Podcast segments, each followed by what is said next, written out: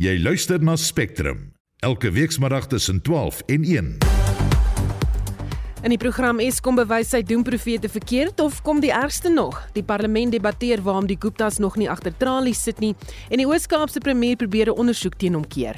Die algemene omvang en uitgangspunt is dat wat ook al die onderwerp van 'n ondersoek vorm, dit moet volledig ondersoek word op sterkte van daardie spesifieke mandaat. Die span is Justin Kennerly en Daitrin Godfrey. My naam is Susan Paxton.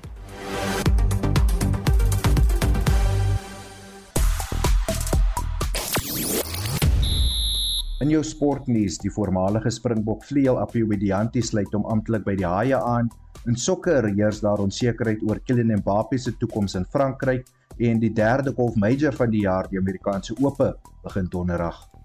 Goed, eh, die langverwagte twee pot eh, stelsel vir aftreegeld sal in Maart volgende jaar in werking gestel word. Die stelsel laat lede van pensioenfonde toe om voor aftrede 'n deel van hulle pensioengeld te onttrek, so sê die direkteur van adviesdienste by 91 in Suid-Afrika, Jaco van Tonder. So dis 'n groot stel veranderinge wat ek dink mense 'n tydjie gaan vat om te verstaan. Maar basies in kort, jy kry 'n tweede been tot jou aftreefonds wat basies soos 'n 'n spaarrekening amper is waaruit jy geld kan trek wanneer jy finansiële nood het. So dis eintlik maar ten doel om jou aftreefonds ook beskikbaar te stel om jou te help wanneer jy finansiële probleme ervaar. So wat dink jy van hierdie plan? Gaan jy dit gebruik? Sal jy van daardie geld onttrek in jou uit jou pensioenfonds uit as jy in die moeilikheid is? En uh, spaar jy deesdae dalk 'n bietjie meer of minder geld vir jou aftrede? Praat bietjie saam, stuur 'n SMS na 45889 teen R1.50 per boodskap of praat saam op ons RSG Facebook bladsy by facebook.com vorentoe skynstreep ZARSG. Jy luister na Spectrum elke weekmiddag tussen 12 en 1 en is nou bykans 8 minute oor 12. Die afgelope paar dae was daar aansienlik minder beurtkrag wat toegepas is en terwyl mense bly is, vertrou meeste nie die vrede nie en verwag dat die ligte enige oomblik weer sal afgaan. Die minister van elektrisiteit, Godsiyenso Ramakgopa, het tydens sy laaste media-konferensie ook erken dat 'n lang moeilike winter voorlê wat betref beurtkrag. En uh, professor Jan de Kok van die skool vir elektriese en elektroniese ingenieurswese aan die Noordwes Universiteit stem saam. Eskom het hulle geskeduleerde instandhouding verminder van Maart van so 7 gigawatt af na 2.5 nou. Verder het die energiebeskikbaarheidsfaktor die laaste paar dae geklim van 55 na 58% toe en die totale verbruik is heelwat laer as wat Eskom gedink het dit gaan wees. Hulle het gedink dit gaan in, nou in die laaste paar dae so 37 gigawatt wees, maar die werklike piek wat ons so 2 dae terug gehad het was maar 32 gigawatt. So daarom die tydelike verligting wat ons het. Jy noem dit tydelik, soos om nie te opgewonde raak nie. Dinge kan baie vinnig weer verander. Die grootste piek sien ons gewoonlik eers in Augustus. So daar's nog 'n maand plus voordat ons werklik by die hoogste piek gaan kom. So dinge kan nog heelwat verander. Dan sal ons op 'n stadium dan ook uh omtrent 1000 megawatt krag ontvang van Mosambiek af by hulle koop. Hoekom het ons dit nie al vroeër oorweeg nie? Dit is 'n ding wat nou al omtrent die laaste 7 jaar op die boeke is. Ons kan 'n bietjie ekstra kapasiteit by Kabora Bassa kry op die oomblik maar so 80 megawatt. Maar dan as ons 'n ooreenkoms met Mosambiek, Zimbabwe en Zambië aangaan, dan kan ons meer kry omdat Zambië op die oomblik die enigste land in Suider-Afrika is wat regtig waar groot hoeveelhede spaarkapasiteit het in die orde van omtrent 1000 megawatt en hulle kan dan daarvan aan Zimbabwe verkoop en ons kan dan dit wat Kabora Bassa normaalweg aan Zimbabwe verkoop kan ons dan gebruik. So is nie sommer net van hallo, uh, telefoon op bel uh, Mosambiek en sê ons wil van julle krag hê nie. Nee, daar's heelwat politieke dinge wat tussenin moet gebeur om vier lande te kry om saam te werk. Een fase van beerdkrag. So, wanneer gaan ons dink jy gesien dat ons daai volle 1000 megawatt dan nou sal ontvang? Um, ek dink ons kry nou maar op eers 100. Ja, tussen 80 en 100. Of dit werklik 1000 gaan wees, weet ek nie want op die oomblik koop Suid-Afrika so tussen 1.2 en 1.3 gigawatt by Kabora Bassa en die transmissiestelsel kan net 1.9 gigawatt hanteer. So daar's eintlik maar net nog 'n 600 megawatt beskikbaar wat ons wel kan kry sou ons hierdie ooreenkoms in plek kon sit. En ons sou dit kan hanteer en in die stelsel insit. ja, daar's genoeg kapasiteit in Suid-Afrika om dit mee te kan doen. En dit was professor Jan de Kok van die skool vir elektriese en elektroniese ingenieurswese aan die Noordwes Universiteit. Die ANC sê wanneer dit kom by partydissipline is daar geen uitsonderings of voortrekkery nie en daarom is die voormalige sekretaris-generaal Ys Magashule uit die party geskort. Magashule het ook die spertyd van 7 dae waarna hy betoog kon rig oor hoekom hy nie geskort moet word nie, misgeloop. Ons praat met Dr Ina Gous van die Departement Politieke Studies en Regeringskunde aan die Universiteit van die Vrystaat. Goeiemôre Ina. Goeiemôre. Ons sien nie sommer dat die ANC so 'n lid wat selfs al op die nasionale uitvoerende komitee gedien het nie, skors nie. Nee, en ehm, ek weet dit is 'n baie lang proses gewees om tot by die punt te kom. Ehm um, soos wat mense weet is daar baie ehm um, prosesse binne die ANC wat moet plaasvind uh voor so 'n um, ehm, besluit geneem is en dat daar baie ruimte is vir 'n persoon wat jy weet, soos hy sê wat betoog kan rig en dis meer. So ja, dit het lank geneem en hulle het op die ou en tot hierdie besluit gekom ehm um, in die poging om te wys dat die ANC nou 'n party is wat hierdie tipe dissipline streng gaan toepas. Ehm um, maar nog nie behoorlik konsekwent doen in my opinie nie. Ehm uh, maar ek dink tog die situasie en die konteks waar waarin ehm um, Ysmagersule die uh jy weet die wangedrag gepleeg het, uh maak tog maak tog saak. Ehm um, die feit dat hy as 'n baie hooggeplaaste persoon, sekretaris-generaal van die ANC dit gewaag het om die president te wil skors, ehm um, dink ek het 'n uh, het 'n baie groot invloed gehad op hierdie besluit op jou einde. Hm. Is dit 'n manier om van lede van die RET-funksie ontslae te raak? Ek ja, ek dink daar is eh, dit hang af van die teenkanting wat gekry is en die aksies van hierdie persone binne die RET, um, jy weet, uh, Karl Niels om om met weet uh, nog 'n voorbeeld te noem. En ehm um, dit waar die wangedrag waaraan hulle skuldig maak. Ek dink hulle daar moet darm iets gebeur. Hulle moet darm 'n aksie ehm um, jy weet eh, kan kan kan vinger na wys voor hulle 'n proses kan begin. So dit dit dit val nie uit die lug uit nie. Maar ek is seker daar sal die boodskap is nou gestuur dat ehm um, jy weet sou daar jy weet binne die party se reëls en regulasies en kultuur ehm um, jy weet uh, besluite geneem word en dinge gedoen word wat hulle ag as as wangedrag ehm um, dink ek is die boodskap duidelik dat hulle uh, jy weet twee keer moet dink. Magashule het 'n baie sterk steunbasis in die Vrystaat. Wat dink jy is sy planne nou?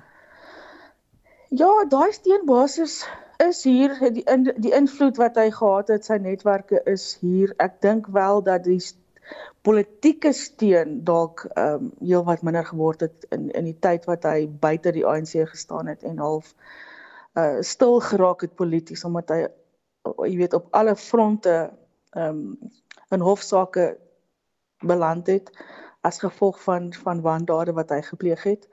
En hy het self gesê dat hy hierdie skorsing nie gaan teenstaan nie want hy sal nou moet fokus op die spesiale ondersoekeenheid se ehm um, se se se ondersoek um, wat hy graag wil teenstaan. Uh want ek dink daaruit sal dan nou nog ehm um, jy weet redes tot kommer vir hom gaan uitvloei van van van van goed wat hy gepleeg het, transaksies wat aangegaan is terwyl hy uh premier was wat uh, onder verdenking is. So hy is so besig om al hierdie uh, hierdie gevegte te veg op al die fronte om homself uit die tronk uit te hou dat ek dink die die die fokus op politiek het uh, al minder geword. So hy sê sy politieke toekoms is is ryk lyk like heeltemal goed en um, uh, 'n mens gaan nou sien wat sy stappe is. Uh, as hy wil 'n plan maak, sal dit baie gou moet wees want ek dink steen soos ek sê polities is is besig om om om al hoe minder te word. Baie dankie dit was Dr Ina Gous van die Departement Politieke Studies en Regeringskunde aan Universiteit van die Vrystaat. Die spesiale artikel 194 komitee van die parlement wat die geskorste openbare beskermer Bosisiwe Mqobani se geskiktheid ondersoek om haar amptetermyn te kan voltooi, het verlede week 'n ommekeer gemaak oor hoe die ondersoek voortgesit sal word. Nadat die komitee maande lank gesukkel het om voort te gaan weens Mqobani se geding om haar regskoste, het die komitee nou besluit sy hoef nie langer voor die komitee te getuig nie. Die vraag het egter ontstaan of daar in die wet voorsiening gemaak word hiervoor, en Essie de Klerk doen verslag. Die komitee is onder groot druk om die ondersoek binne sy bepaalde spertyd af te handel, maar Mqwebani se probleme om regsverteenwoordiging te verkry het egter verrigtinge vertraag. Die staatsprokureur is onlangs aangestel om haar te verteenwoordig, maar Isaac Chongwe van die kantoor van die staatsprokureur sê dit sal nie moontlik wees nie. My status as the attorney of record. So if I refer to myself, I simultaneously also refer to the state attorney Pretoria or the state attorney as such. That the state attorney's status as the legal representative of Advocate Mkwebane is actually in dispute in that she has raised in our correspondence and communication that in as far as she is concerned and by the way the matter has been developing the state attorney cannot be the attorney of record as he stated that the state attorney is conflicted in the matter and therefore when the state attorney is conflicted they cannot profess to be acting on her behalf Die komitee voorsitter, Kobodile Diante, het sy frustrasie met die vertragings uitgespreek. Unfortunately, we find ourselves in this position that when we take a step forward and we think we have made progress, then there is a setback of sorts. It's become a DNA of this inquiry of late, since February and March, that we pick up a new hurdle, we attend to this new hurdle, another hurdle is put in the way of this inquiry continuing. Die ante het besluit dat die komitee geskrewe vrae vir verdere duidelikheid aan Kwebani sal stuur op grond van die beëdigde verklaringe wat sy reeds voor die komitee afgelê het. Sy sal of mondelings of skriftelik op die vrae kan reageer. Maar kan hierdie besluit van die komitee 'n regsuitdaging stel? Kombrink Nel van Kombrink Nel en Vennote sê artikel 33 en 34 van die grondwet moet in oënskou geneem word. Die reg op billike administratiewe optrede en die reg op toegang tot howe. Die besluit om skriftelike antwoorde toe te laat kan grondwetlik geldig wees as dit voldoende waarborge bied om die openbare beskermer se reg om gehoor te word en doeltreffende vertoë te rig beskerm. Hierdie voorsorgmaatreëls kan die volgende insluit: verseker dat die openbare beskermer voldoende tyd het om skriftelike antwoorde voor te berei en in te dien, laat die openbare beskermer toe om mondelinge verduidelikings aan te bied of bykomende skriftelike voorleggings te verskaf, verseker dat die komitee die geskrewe antwoorde voldoende oorweeg en dit in sy verrigtinge in ag neem. Uiteindelik sal die grondwetlikheid van die komitee se besluit bepaal word deur of dit die beginsels van billikheid, regverdigheid en die reg om aan gehoor te word, soos verskans in die Suid-Afrikaanse grondwet te handhaaf. Nou verduidelik wat die implikasie sal wees indien Mqwebani se versoek dat Dianti homself as voorsitter moet onttrek suksesvol is. Advokaat Mqwebani voer aan dat die verhoor gestaak moet word terwyl haar aansoek vir die voorsitter om homself te onttrek voor die howe is. Nou die vraag wat daaruit ontstaan is of daar 'n wetlike implikasie is in die geval wat die komitee moet voortgaan. Totdat die hof 'n aansoek voor hom het vir die rekisering van meneer Janti en gepaard daarmee 'n aansoek vir die uitstel van verrigtinge ingesluit. Is meneer Janti binne sy reg om voort te gaan met die komitee en sy sake? Dit is nie moontlik om definitief vas te stel of daar regsimplikasie vir die komitee wat sy verrigting op hierdie tydstip voorsit is en of daar enige wetlike belemmerings vir die voorsetting daarvan is nie. Die status quo sal van krag bly totdat dit deur beleid of deur 'n hof van bevoegde jurisdiksie verander word. In 'n ergste scenario, as meneer Dantjie met hierdie komitee voortgaan, en in die nadelige bevinding deur 'n hof dat hy homself moet onttrek, loop die komitee die gevaar om sy bewysproses te nouwou te moet begin. Met ander woorde, van die begin af. Dit was die regskenner Kombrink Nel. Die verslag is saamgestel deur Joseph Mosia in die parlement. Ek is Estie de Klerk vir SAK nuus. Parlementslede sal vandag in die nasionale vergadering 'n debat voer oor Suid-Afrika se mislukte poging om die Guptas aan Suid-Afrika uitgelewer te kry. Die debat is reeds in April deur die Good Party LP en hoofsekretaris Brett Herron aangevra en ons praat nou met hom. Goeiemôre Brett. Goeiemiddag. Hoekom het jy gevra dat die kwessie in die parlement gedebatteer moet word?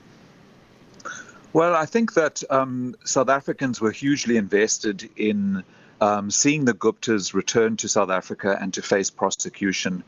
Um, we have endured five years of uh, promises around the prosecution of the kingpins of state capture.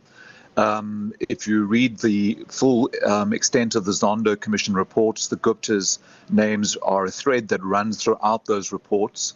Um, and um, the fact that they were able to escape extradition, I think, is a massive blow for South Africans' confidence in seeing those who were responsible for state capture and corruption being prosecuted. Um, and so it, it's a matter that I think concerns South Africans because the Guptas are emblematic or symbolic of our ability and our willingness to prosecute those who looted the, the, the state to the extent where we have no electricity at the moment, we have no freight rail system operating at the moment, and very little passenger rail um, operating at the moment. So their impact of state capture and corruption is massive. And the story is bigger than the Guptas, but the Guptas are really the poster boys for state capture in South Africa. And the fact that they were able to escape extradition is a massive blow to our uh, fight against corruption and to, to make sure that those who um, were responsible for state capture are prosecuted. So voel jy hierdie debat gaan oor meer as net die uitlewering van die Guptas? It's much bigger than the Guptas, um, although it's sparked by the failure of the South African government to um, to comply apparently with the United Arab Emirates um, laws and the agreement between the countries around extradition, um, the so-called technicality that the Minister of Justice refers to. The issue is bigger than the Guptas because uh, the Guptas may be the the names that are most famously connected to state capture, along with our former state president Jacob Zuma.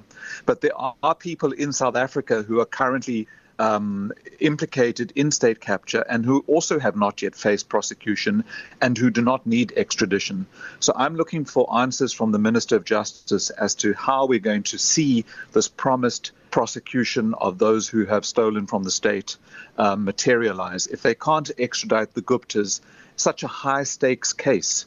Um, where's their progress on prosecuting those who don't need extradition, who are here amongst us in South Africa? Dink jy 'n parlementêre debat gaan die proses vir die uitlewering van die Guptas kan bespoedig? Well, I think it it's be the first opportunity where South Africans hear directly from the minister um, responding to a debate from all the parties in parliament.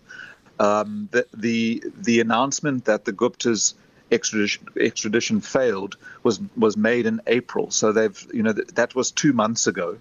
Um, and in the last two months, we've had a lot of spin, a lot of arguments, a lot of opinion being written about why this has happened and how this has happened. And I'm hoping that today we get answers about why it happened, and and more particularly, as I said earlier, um, how this, um, the South African um, criminal justice system is going to deliver on its promise that those who were involved in state capture will be prosecuted, and what are the delays uh, for those people who are in South Africa um, and could could have been prosecuted already.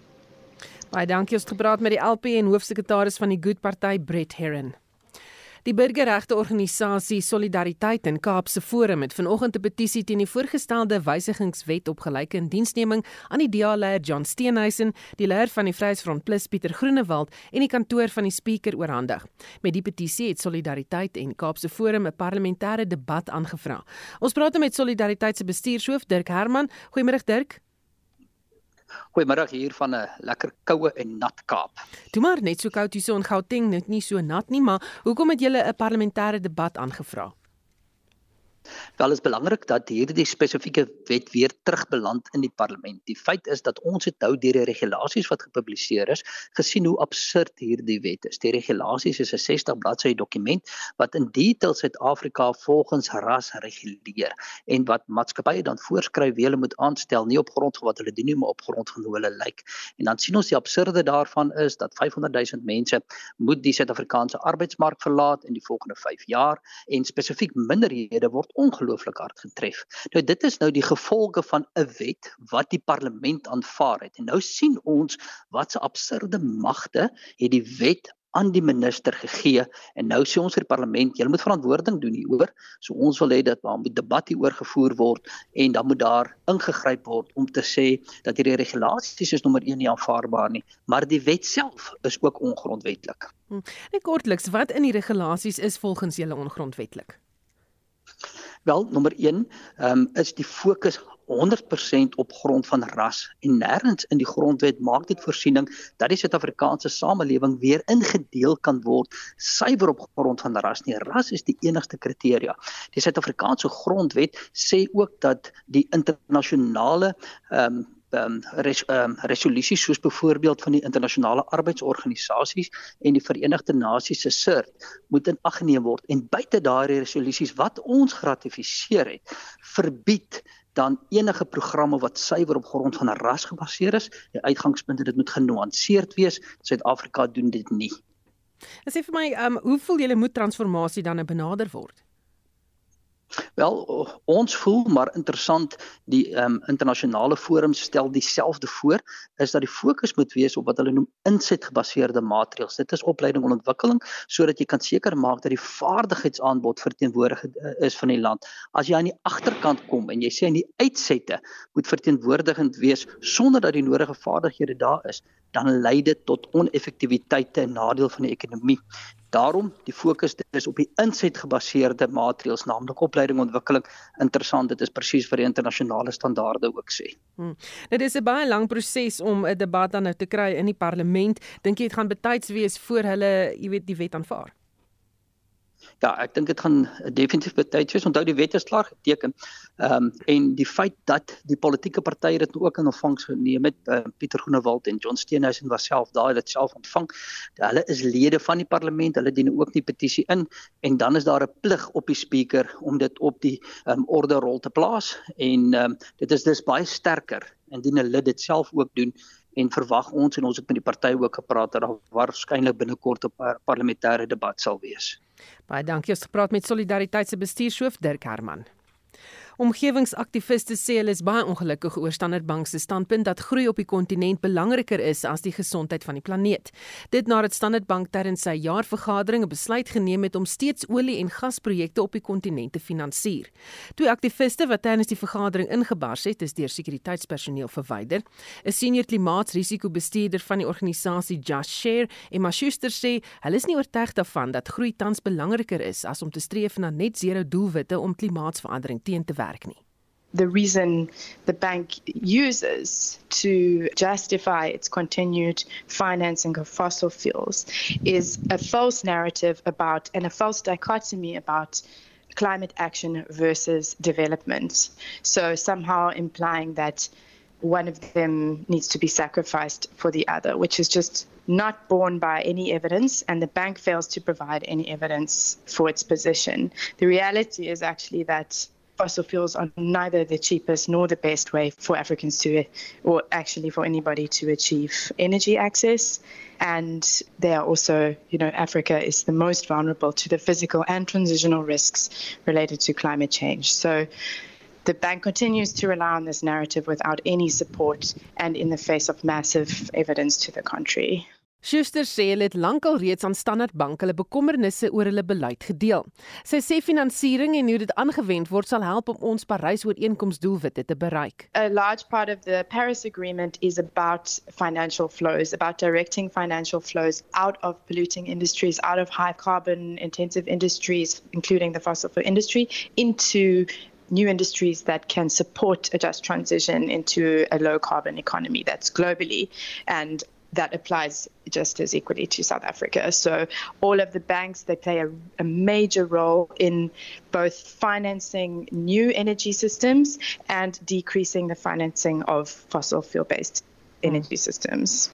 Schuster sê ten spyte van die feit dat die vergadering deur 'n ander omgewingsbewaringsaktiviste groep ontwrig is, kon hulle hulle standpunt stel. Yeah, so we just share published a briefing on Standard Bank's climate disclosures before the AGM, and majority of our of our concerns were encapsulated in that briefing.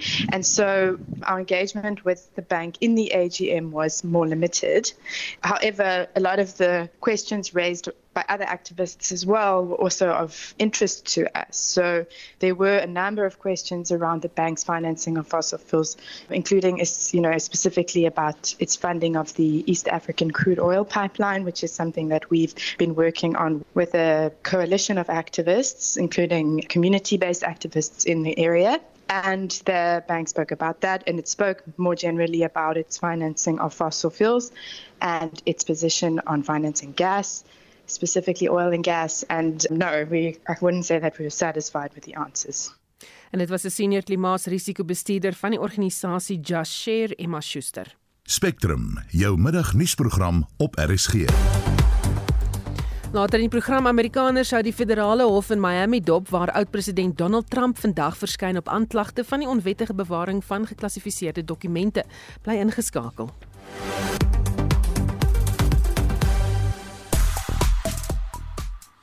Nou ons gesels oor uh, pensioene en uh, die twee potstelsel wat dan nou so maak dat jy 'n uh, gedeelte van jou pensioen pensioen sou kontrek sou jy dalk in finansiële moeilikheid kom so half so 'n spaarrekening. Pieter van Graan wat sê wat maak dit nou regtig saak of mense bedrag van hulle pensioen voor die tyd vat of wag tot hulle pensioen of met pensioen gaan? Die meeste mense wat met pensioen is kom in elk geval nie uit nie. Nico Olivier sê nee en dan 'n uh, Bokkie en Anita Bason nie goed nie, hulle gaan net 'n las word vir die staat as hulle met pensioen gaan. En dan sê uh, Koos Groewe ek het daagliks te doen met mense wat nie genoeg voorsiening gemaak het vir hulle ou dag nie. Hierdie verandering gaan moontlik die persentasie mense wat sukkel as hulle oud word verhoog. En dan sê 'n luisteraar Dani Lou, mense wat pensioengeld voortydig neem gaan later huil, maar uh, dit gaan dan nou te laat wees. En klomp luisteraars wat lyk dit vir my dieselfde voel hier oor Japie, kypie niemand wat sê beslis nie 'n goeie idee nie in uh, hoofletters en uitroeptekens. Dit gaan 'n uh, katastrofe wees, dis 'n ramp soos dit reeds is sukkel pensionaars om te oorleef met hulle geld of geld as hulle voortydig daarvan vat, staar hulle 'n ramp in die gesig en dit sal 'n geween en 'n geknars van tande wees die dag as hulle regtig met pensioen gaan. So ja, jy kan steeds saamgesels oor hierdie kwessie en vir ons sê wat dink jy van hierdie plan? Uh dalk uh, is jy 'n finansiële ontleder en jy kan ook vir ons sê daar is 'n positiewe aan hierdie proses en dat jy dalk uh, as jy baie gedissiplineerd is, is dit 'n goeie idee want dan kan jy dalk die geld terugbetaal.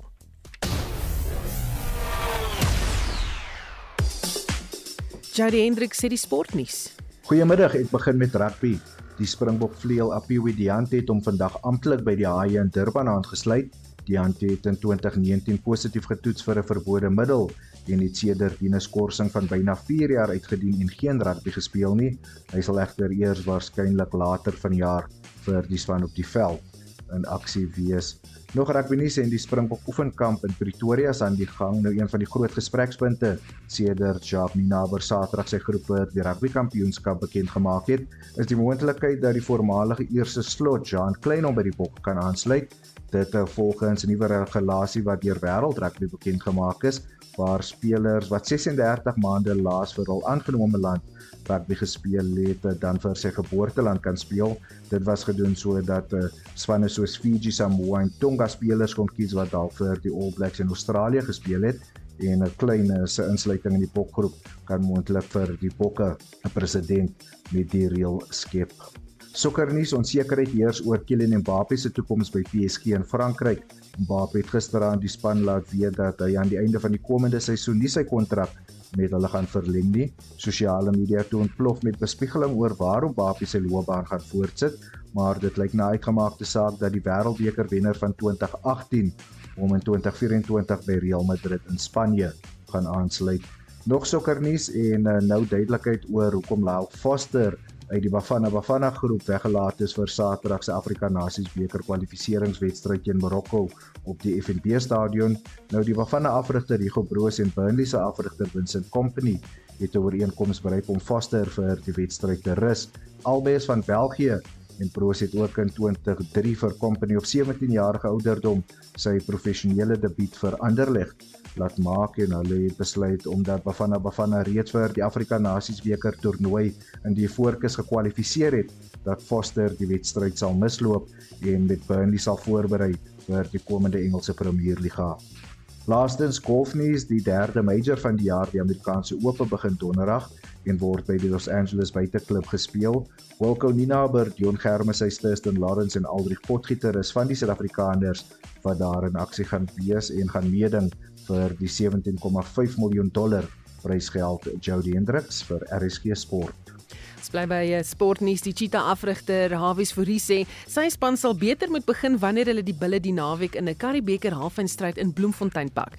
Die bulle was verlede naweek in hulle laaste groepwedstryd teen die Cheetahs in Pretoria na net 15 minute reeds 19-0 voor.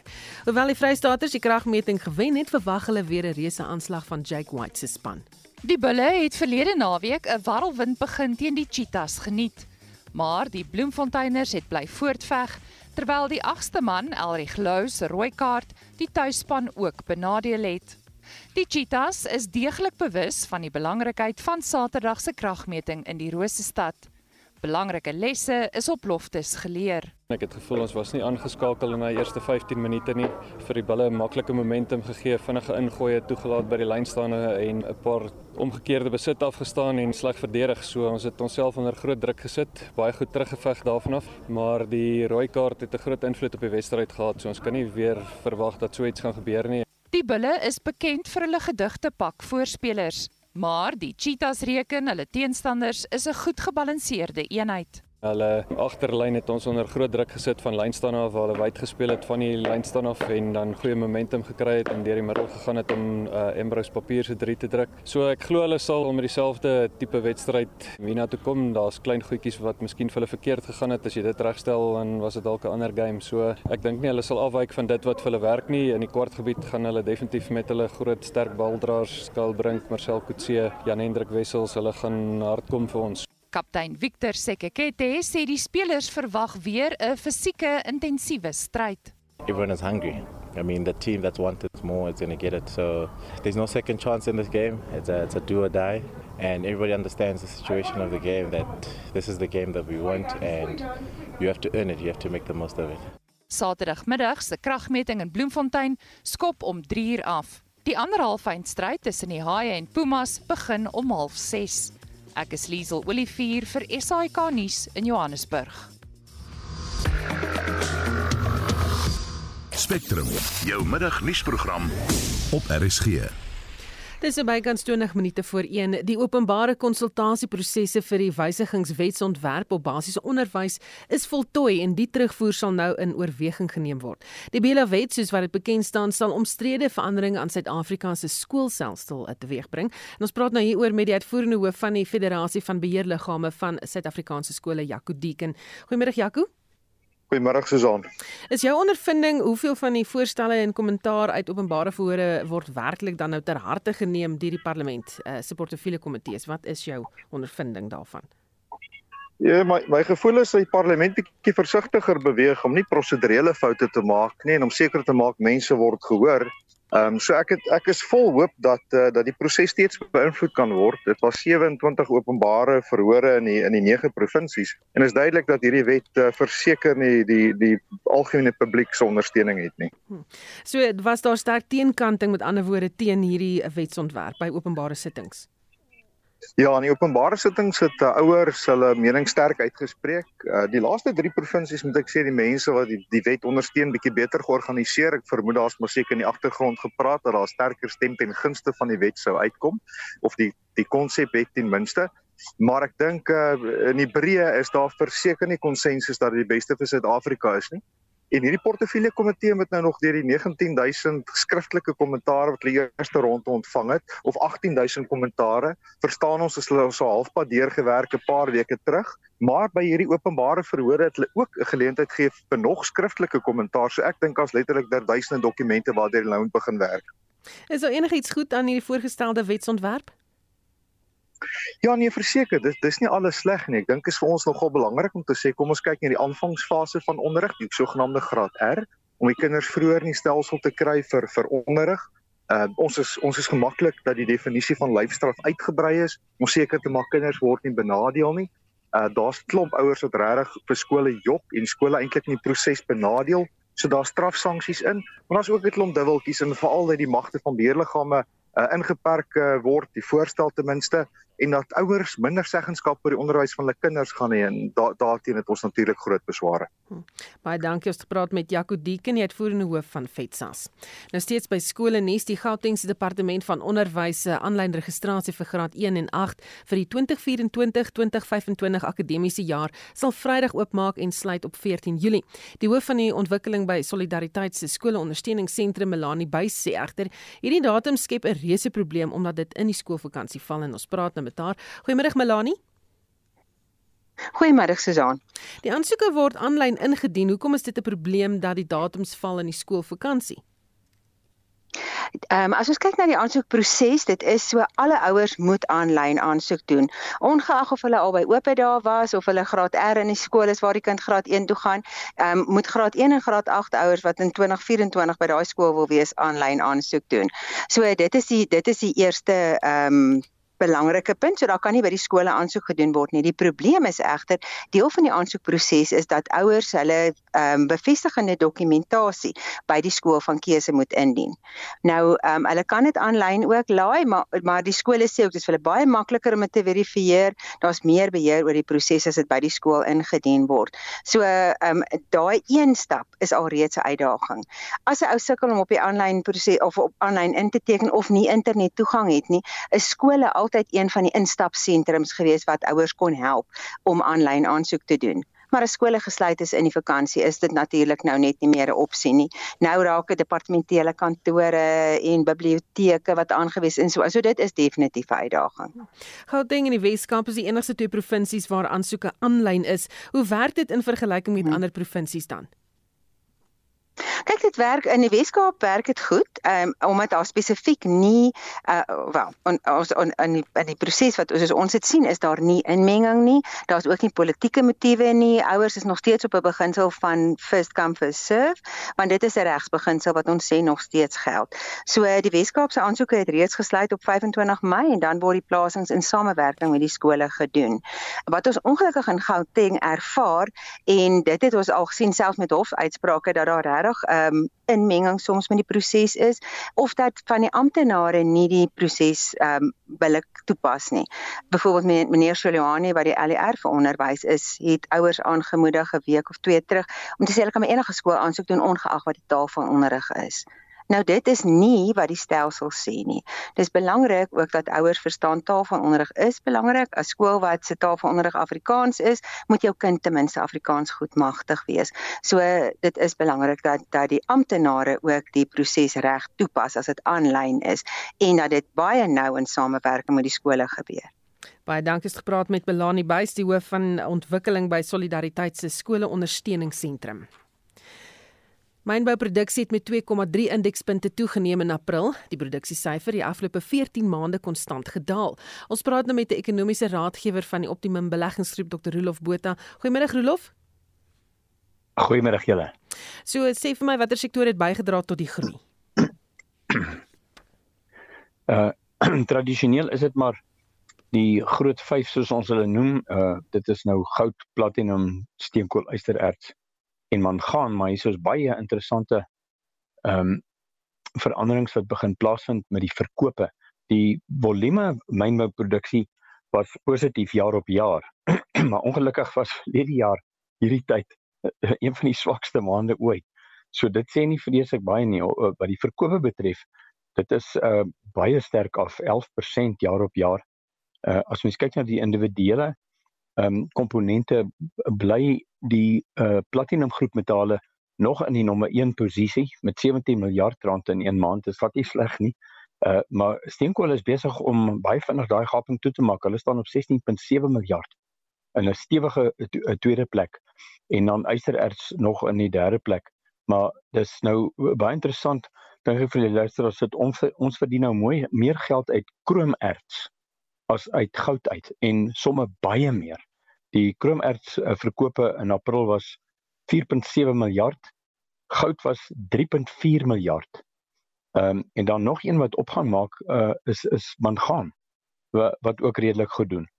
So hier is 'n bietjie van 'n verskywing tussen die uh uh die met metale wat ons uitvoer uh, gelukkig het die ysterertsprys daarin nou vir, vir ons vir, uh, produsente weer mooi verstewig. Hy's so 111 op die oomblik dollar per ton. Hy was in Oktober verlede jaar was hy so laag as 80 en 'n maand gelede, bietjie meer 6 weke gelede was hy onder 100 ook gewees. So hopelik vir ons sal hy toeneem en natuurlik uh, hierso in Mei en Junie behoort ons met die swakker rand behoort ons baie beter verkoopsyfers te sien. Hm. Ehm um, wat het gebeur met ystererts? Hoekom was die prys so laag?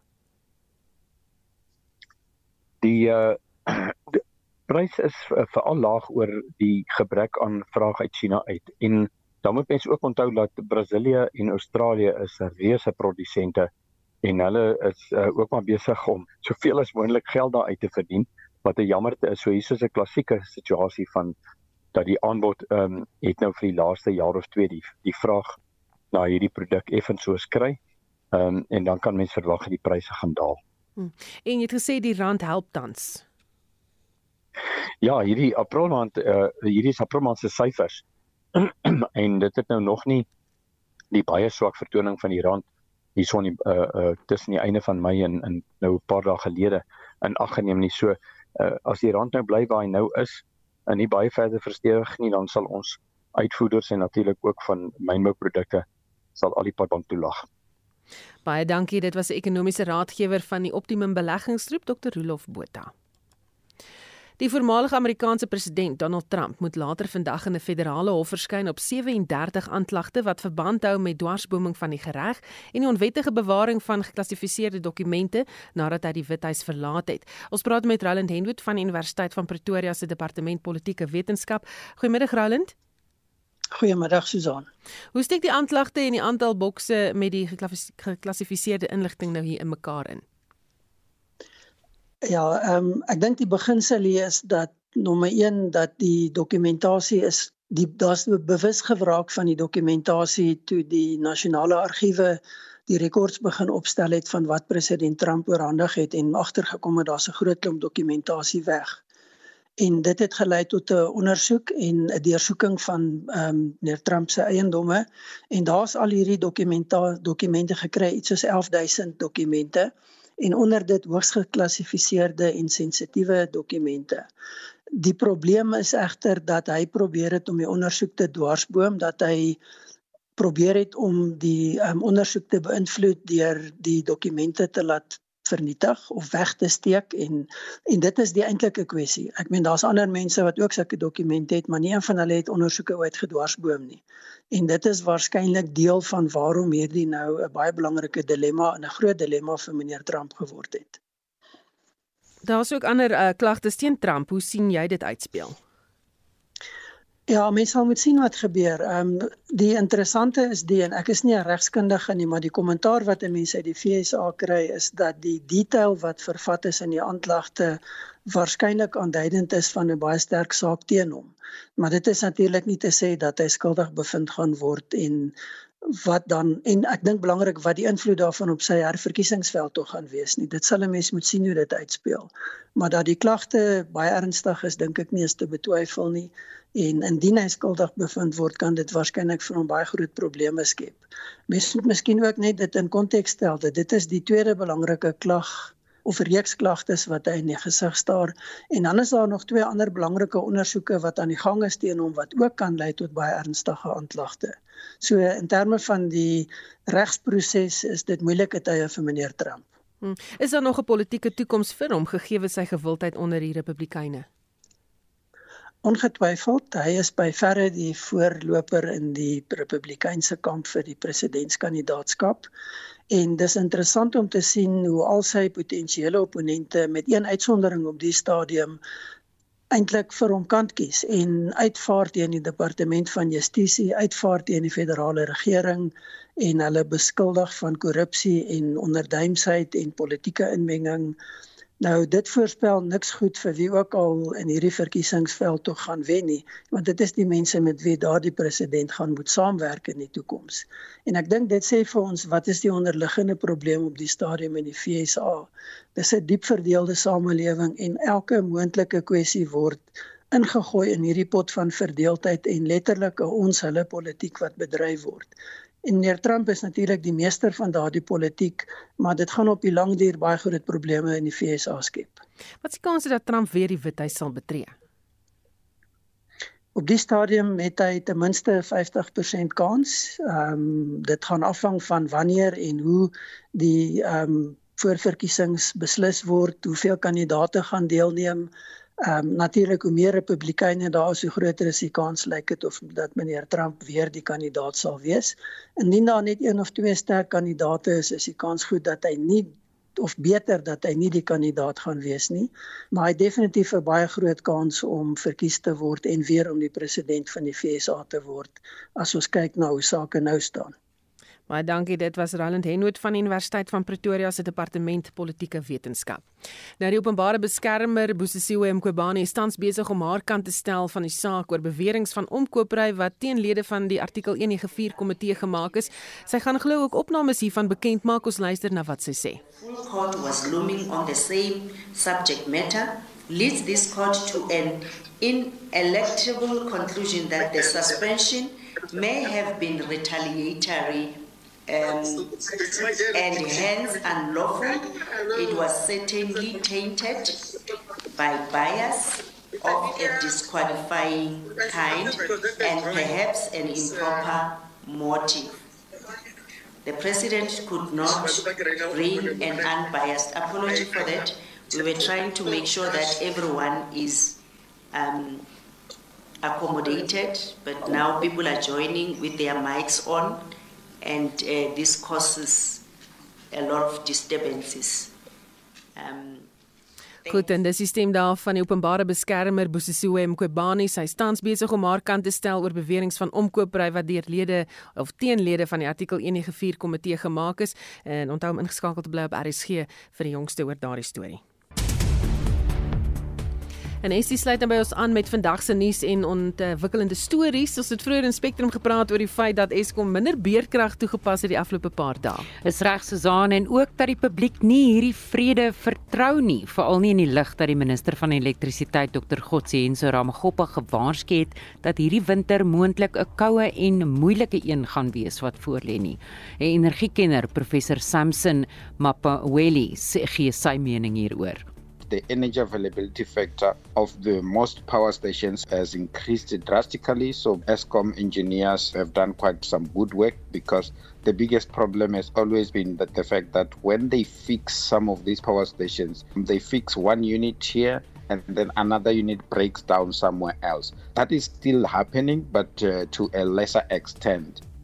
Nou skouspelagtige aantrekking na die KwaZulu-Natal se kus is altyd die sardientjies wat loop en dis weer seker tyd.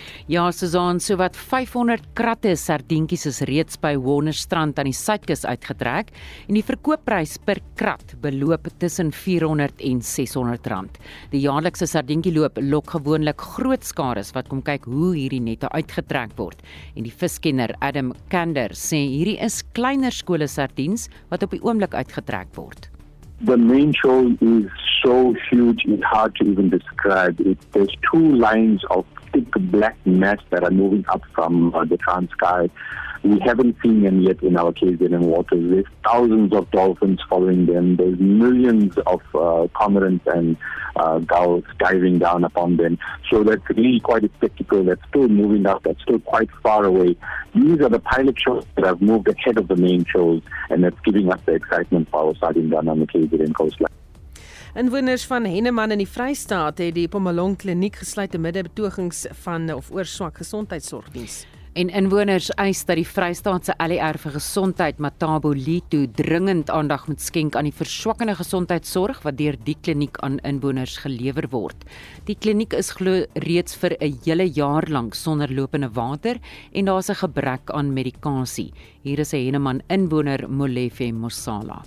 Doctors, the dentists cannot come into the clinic because there are no running water. So the people of Eneman, if they have a problem with their teeth, they must go to Belco to take their teeth to get the proper services. There are no toilets here. They're only using one toilet, the female toilets, both men and women, they are using the same toilets in Pumuli Eneman. There are no cleaners inside and outside. En is 'n inwoner in Henneman Molefe Mosala. En dan in Australië betreur eh, betreur die land die dood van 10 mense wat in 'n busongeluk oorlede is die naweek en dit word as Australië se ergste busongeluk in 3 dekades bestempel. Die mense wat in die ongeluk was, was deel van 'n groep trougaste. Ligte by Sydney se Operahuis en Hawebrug is vir 1 minuut afgeskakel ter ere aan die slagoffers. Die bestuurder is aangekla van gevaarlike en nalatige bestuur. En onthou ook om in te skakel vir Brandpunt om kwart voor 6 vanmiddag vir opsomming van jou dag se nuus. Dit was Essie met 'n oorsig oor die ontwikkelende stories. Ons vandag gesels oor pensioenfonde, daai twee potstelsel waar jy kan geld trek uit daai pensioenfonds uit. Nog iemand wat sê dat uh Rolien Meiberg, ek het gelukkig in 2019 bedank en al my geld onttrek, het toe al rooi ligte met die pensioenfonds sien flikker al my uitbetalings betyds gekry sê hy. En dan sê nog 'n luisteraar wil na Peppler net so polisse uitneem vir studie vir kinders, nooit genoeg nie. Pensioen is net genoeg wanneer jy 'n groot salaris gekry het en ekstra kon bydra. Gewone inkomste mense trek maar altyd aan die kortste end. Lewensonkoste gaan te vinnig op en weinig mense kan bybly, sê sy. Mense kry baie later eers kinders en dan is hulle pensioen daar op hulle terwyl hulle kinders nog studeer en ekstra pensioengeld bydra is nie moontlik nie.